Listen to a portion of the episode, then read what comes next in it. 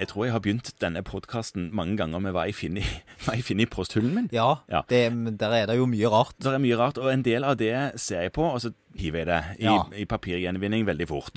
Mange ganger så er varsler fra SLV sånn som jeg ser Å, jeg øh, registrerer det, og så hiver det. Ja. Men denne gangen så fikk jeg et øh, varsel hvor det sto sånn og sånn øker risiko for død. Ja, du fikk òg den. Ja, risiko for død. Og tenk, ja, det vil jeg gjerne ha med meg, for det er jo en bivirkning som man prøver å unngå. Ja. Ja. Og det legemiddelet de snakket om nå, det var febuxostat. Og da måtte jeg inn og se hva febuxostat var, for nå Ja. tenkte jeg dette bruker jo jeg aldri. ja. Men gjorde du det? Ja, Ja. jeg gjorde det. For det febuxostat selges med to navn på apoteket.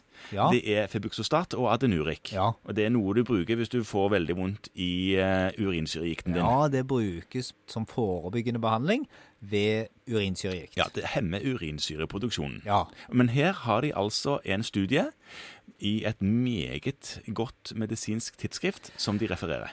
Ja, eh, det refereres til en studie fra New England Journal of Medicine, tror jeg. Det Ja, stemmer. og Der de hadde gjort en ordentlig randomisert studie på 6, over 6000 pasienter, Ja, og sammenligna med allopurinol, ja som er en annen medisin til disse pasientene. eh, som også reduserer urinsyre. Ja. Og funnet ut at Hvorfor de hadde kommet på dette, det vet ikke jeg, men det de i hvert fall hadde funnet ut, var det at når det gjelder kardiovaskulære hendelser, Ja, så kommer disse to gruppene helt likt ut. I en median oppfølgingstid på i underkant av to år, hvis jeg husker riktig. ja de fulgte det vel faktisk enda lenger. Ja, men den snitt ved oppfølgingstiden var kortere. Ja, ok. Mm. Eh, de fulgte de vel i fem år, tror jeg, men eh, seks år, tror jeg faktisk. Ja. Men hendelsene var like, men de som sto på febuxostat, de døde mer. De, de døde mer Ja. rett og slett enn de som brukte allopurinol. Både av hjerte-karsykdom og av andre ting. Ja, Særlig hvis de hadde forhøya hjerte-karrisiko fra før. ja. Så det SLV nå sier, når de sender ut dette brevet til oss, som mange av oss leser med et halvt øye Det hjelper å skrive 'død' på toppen, det fikk iallfall både deg og meg til å stoppe opp litt. Absolutt.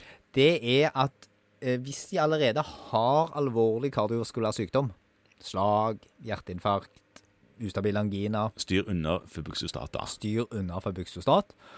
Og hvis du har pasienter på dette som, som står på det, og, og i hvert fall på min liste ser jeg nok det er folk som har stått på det lenge, Ja, de har det med seg fra en eh, kollega et sted. ja, eller at jeg har hatt de gående på det veldig lenge, uten å gjøre så mye med det, Mhm. så vurder å bytte.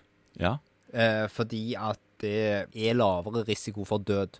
Så, så står det jo en sånn morsom ting. For det. Nå, nå kan vi jo pense inn på en liten annen ting, og det er altså legemiddelverket.no, eller Legemiddelverket som sender ut disse her. Ja. De har en hjemmeside. De har det. Ja, og der har de faktisk, tro det eller ei, noen ganske nyttige ressurser. Ja, så er det to sider som jeg pleier å titte på Ja, av og til. Den ene er nyhetene. Den ene er nyhetene, ja. Der står det jo mye spennende, og der lå også denne saken. Og det andre er bivirkninger av medisiner. Hvis man da går inn på, på bivirkningsnyheter, eh, som ligger under bivirkninger av sikkerhet, så står det der en artikkeloversikt over interessante bivirkninger som de ønsker å gjøre oss oppmerksom på. Og den er faktisk ganske nyttig. Kan være veldig nyttig, ja. Ja, jeg må jo si at jeg synes jo, når det gjelder på denne Febuxostat-saken, så er jo råd til pasienter er jo litt, nesten litt sånn morsom, for der står det 'snakk med legen din om du opplever bivirkninger', og i dette tilfellet så var vel bivirkningen av en slik karakter at det å snakke med legen sin er litt seint. Man kommer litt seint til festen, da. ja. Men det som kanskje er det viktigste, er det som står etterpå, nemlig det at denne siden, som man da kan gå inn på og se på interessante bivirkninger, lese mer om de, få linker til kunnskapsgrunnlaget, der kan man også melde relevante bivirkninger til SLV. Ja. Og det er ganske viktig, fordi SLV bruker en del tid på å overvåke bivirkninger av disse medisinene. ja. Og pasientene kan jo melde bivirkninger helt sjøl òg. Det kan de også gjøre. Ja. For eksempel så ligger det nå inne på den siden, hvis man går inn på den, i innspillende stund, en helt rykende fersk bivirkningsrapport på HPV-vaksine. Som da er publisert for noen få, få dager siden, der det står noen ting om hvor mange som har hatt bivirkninger. For eksempel så er det på denne Cervarix, denne her eh, HPV-vaksinen, eh, som jeg vet du, Morten, har vært spesielt interessert i i det siste. Ja, det. Der er det på 230 000 vaksiner mottatt 273 bivirkningsmeldinger. Mm. 21 alvorlige. Det er jo ikke mye. Det er ikke mye. Man må jo samle sånne en stund for å se hvor mye hold det er i eh, meldingene. Ja. Hvor mye som har med vaksine å gjøre, og hva som har med andre ting å gjøre. Når det gjelder denne febuxostaten, Ja. hvis pasienten bruker dette nærmest av historiske grunner, Ja. og du lurer på om de i hele tatt er nødvendig, så går det an å ta det helt vekk. For mange vil jo si at det å ha litt vondt i stortåen trumfer døden. De fleste vil nok akseptere det. Ja. Og så kan man heller vurdere gode, ikke fullt så dødelige alternativer hvis man ser at man allikevel trenger noe. Ja.